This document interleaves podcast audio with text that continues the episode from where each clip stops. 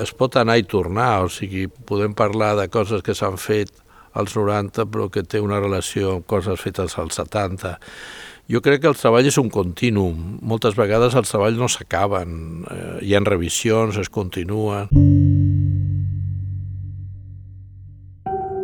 Fons. Obres de la col·lecció MACBA explicades pels artistes. Muntades.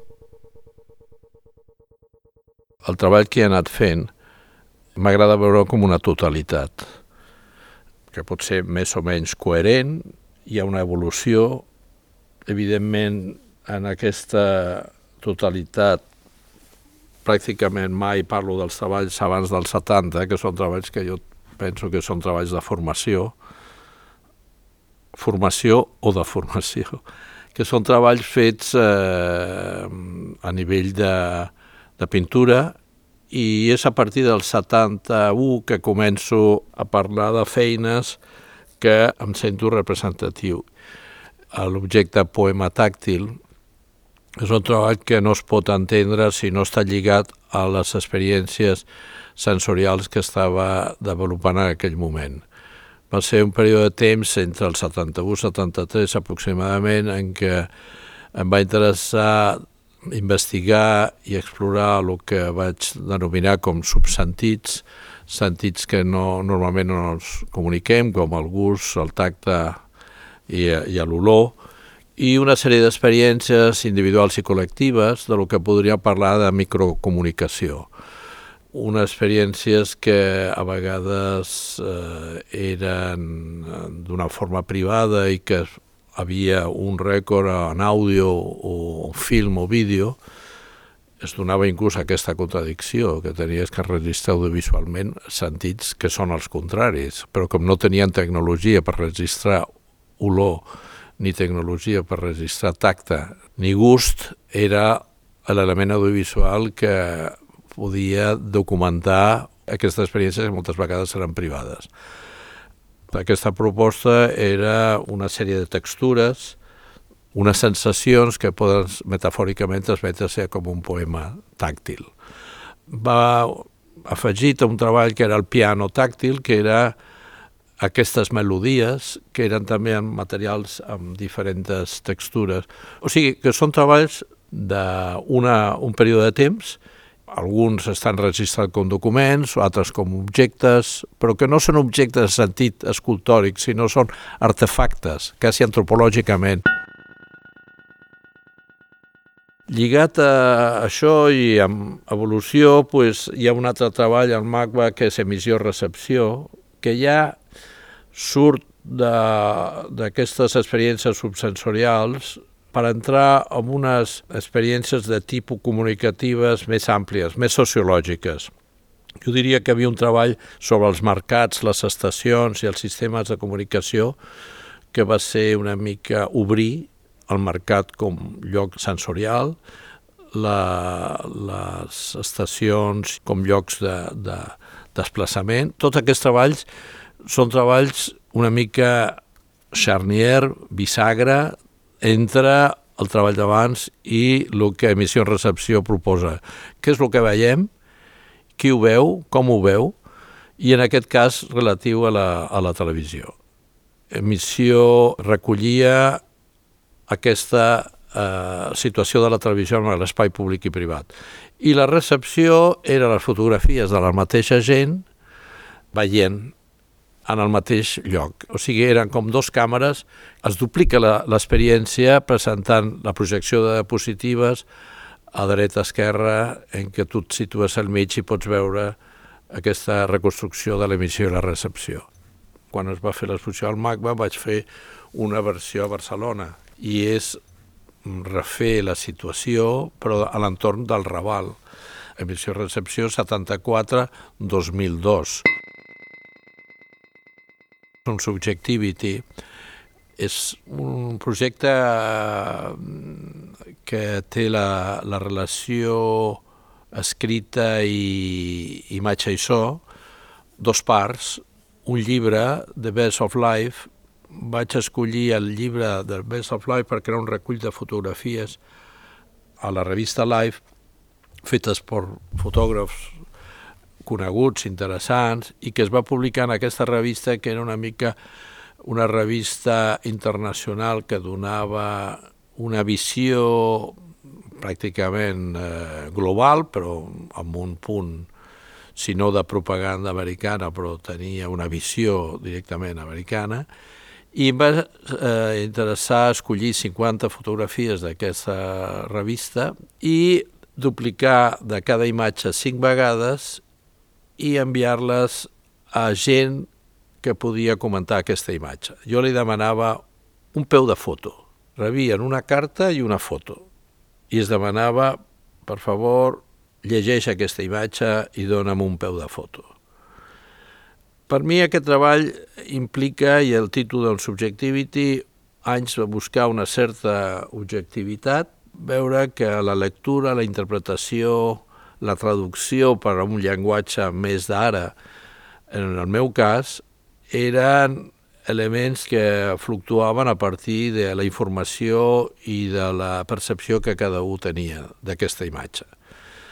El recull va ser una publicació que eren les 50 fotos amb les 5 lectures de cada foto, tal qual s'havia escrit. Vaig utilitzar el sistema postal, un treball quasi de mail art, en què es va enviar tot per correu, vaig guardar tot els sobres, com el procés d'emissió i recepció, si estava escrit a màquina, a mà o estava amb dibuixos, es va publicar facsímils aquest llibre que es van fer 1.250 es van enviar a les col·laboradors i l'altre es va distribuir. Pràcticament és un treball esgotat. El treball d'instal·lació recull el procés de, del llibre i eh, en forma de vitrines, com el que podria ser un museu d'antropologia de la imatge, que en ve d'artefactes geològic o biològic, són imatges posades dins d'aquesta vitrina per ser analitzades, com artefactes d'un cert moment, etc. I tot el procés al voltant. This is public broadcasting in Massachusetts. Our legal name is the WGBH Educational Foundation. In Boston, we are licensed by the FCC to operate WGBH TV Channel 2, WGBX TV Channel 44, and WGBH Radio 89.7 FM. El vídeo on Subjectivity About Television era l'element complementari de veure que aquestes imatges i subjectivitat d'imatges podia estendre's també a la televisió. És una, un vídeo de 50 minuts que es presenta dintre de la instal·lació integrat i que forma tot una totalitat. És un treball eh, pont entre subjectivitat cerca una, de l'objectivitat, però com deia abans també és premonició d'uns treballs que després eh, m'han anat interessant i que van donar a fer la sèrie On Translation que es va començar al 95. Corporations and other agencies. We will always need your help.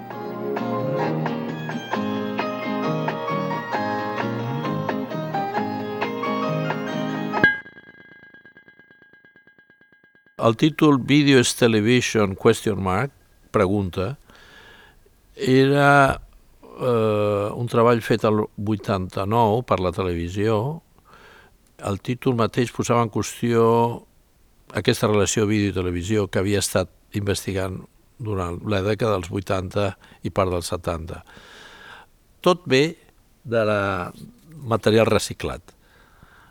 L'única imatge produïda amb un estudi a Boston, va ser l'última en què apareixen una sèrie de televisions, un món de televisions i, acaba, i és el, i el final d'aquest. El resto és un teixit, un collage d'imatges que en certa forma implica una revisió de lo que és la imatge en un sentit ampli i el que és vídeo, televisió, film, en aquell moment jo crec que amb aquest treball estava implicant aquest sentit de la hibridació de la imatge, que finalment lo important és la imatge no tan important com s'ha fet. No?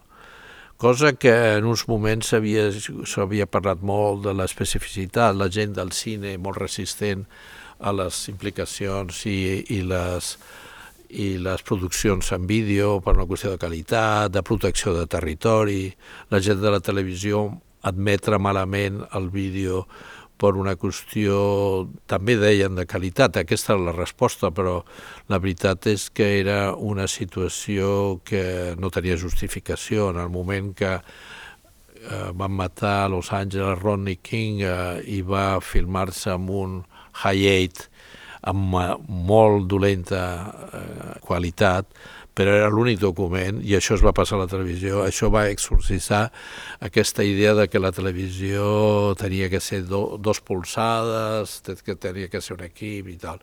Avui en dia les imatges circulen i no es preocupen tant, tant de com estan fetes. Portraits és la part de fotos eh, que es, es van fer serigrafies, la, la sèrie de serigrafies i el vídeo era un anàlisi del gènere de, artístic de representació del retrat, que finalment el retrat és la representació d'una persona, generalment la cara, intentant donar una identitat i això pictòricament hi ha tota una història de l'art sobre això. Normalment són encàrrecs. Em va interessar de construir el retrat amb les serigrafies amb aquesta ampliació d'una trama a partir de fotos que venien dels diaris i dels de, mass media. O sigui que ja tenia un filtratge i fer aquesta relació d'aquestes fotos escollides que tots tenien un micròfon davant. Gent molt coneguda, però que dintre de la situació de la serigrafia es converteixen en anònima. Per això el fet de que sigui un, un micròfon vol dir que hi ha una relació reconeixement d'aquestes persones, el discurs és un discurs públic, però que en el cas del retrat es torna anònim. I encara que són molt conegudes, la trama està tan ampliat i és el detall de la boca, el retrat a partir de la boca i el micròfon, en relació al vídeo que el retrat és les mans.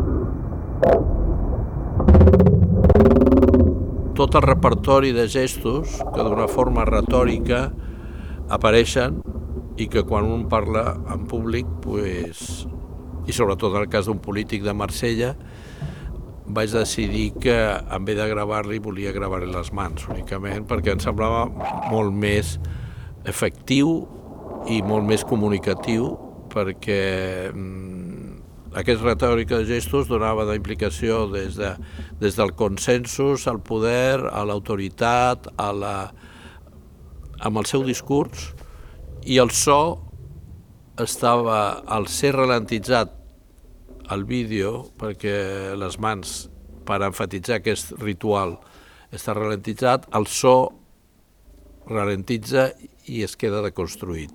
Et fa pensar i et concentra més en les imatges que estàs veient.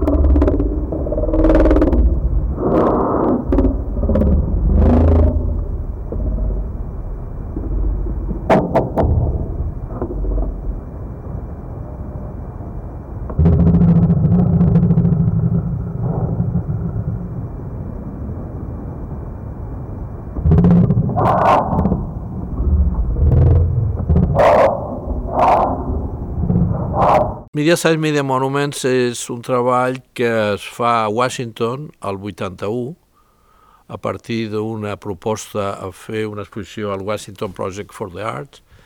Em va interessar analitzar Washington com una ciutat mediàtica i de monuments. Potser de monuments i mediàtica. És una ciutat que és com un gran àlbum d'Estats Units d'història, per una banda això, a partir de la revisió dels monuments, però estem al mídia de veure de que el mídia produeix altres monuments. I aquests fan eh, moltes vegades un soroll i que es contraposa amb el silenci que després, una vegada ha hagut aquest moment de clímax del fet mediàtic, entra un moment de silenci o d'olvido. Les imatges van ser imatges trobades a arxiu, manifestacions del 68 a Pennsylvania Avenue, una altra manifestació dels eh, indis davant del White House, de la Casa Blanca, després hi havia un recorregut a la tenda assassinat al Reagan, la Watergate, etc. No són monuments, però que s'han convertit en monuments per als mídia. Aquestes fotos blanc i negre em van donar peu per anar als mateixos puestos i fotografiar en color. Anys després. A l'assassinat del, del Letelier, el polític xilè, al mateix lloc sembla que no hagi passat res. El cotxe que està destruït sembla que un cotxe nou que s'ha substituït. Al lloc de les manifestacions en Palsa Avenue, tota la gent manifestant està substituït per a una hora de, de tràfic del rush hour.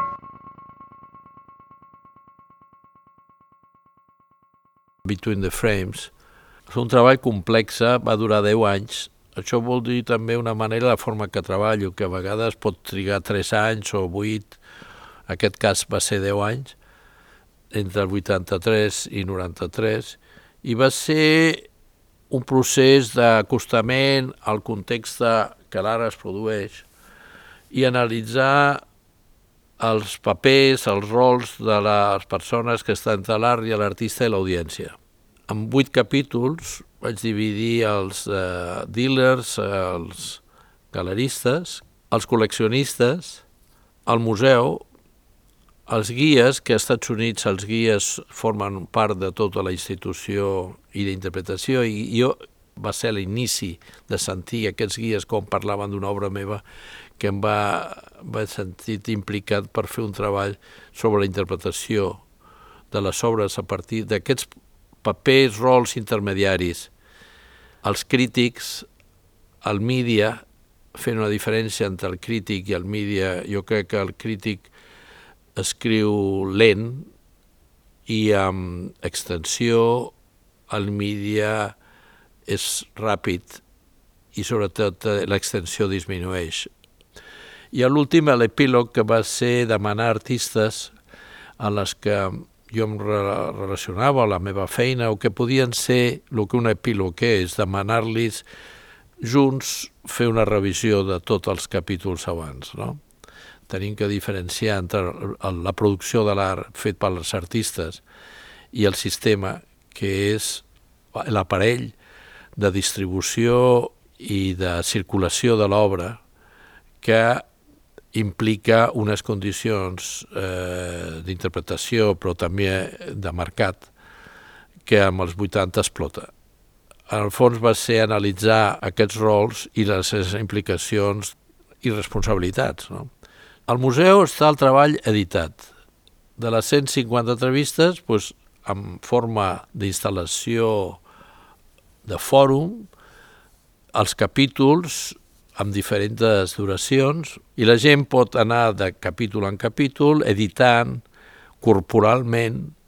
Quan al centre de documentació tens el material en brut i si tu has vist que Harald Simon té editat per part meva eh, 20 segons en un moment donat o 40 segons, un minut o un altre, allà tens una hora que es pot veure el context d'on la conversa ve és una manera de veure també com un treball es pot saber com està fet i quan han sigut les eines i el procés i quan ha sigut la base. És evident que el públic sempre acabarà el treball per la seva percepció, però jo sempre dic que el treball es fa amb l'editing, la selecció final. Ja pot ser un subjectivity, com pot ser Between the Frames, com portraits, hi ha un moment en què el treball s'edita i és l'últim procés de les mans de, de la persona que està fent el treball. No? Les 150 hores en brut mai he tingut la pretensió de donar-la al públic, sinó que la dono únicament acompanyat de la treball fet per mi, com un element de, de context. Jo crec que nosaltres ens convertim en traductors i per això jo crec que acceptar la responsabilitat de l'editing és molt important. És la implicació que té l'artista de, de donar a llegir el que creu que té que donar a llegir. Hi ha un filtre, una interpretació, un, una traducció que eh, jo crec que a la història de l'art ha sigut sempre així. Dintre de la pintura, no sé, el Jackson Pollock podia fer 150 pintures, havia un moment que seleccionava i guardava el que tenia que dir i que creia que per més que per tot allò era un món de taques, eren les taques que a ell li interessaven.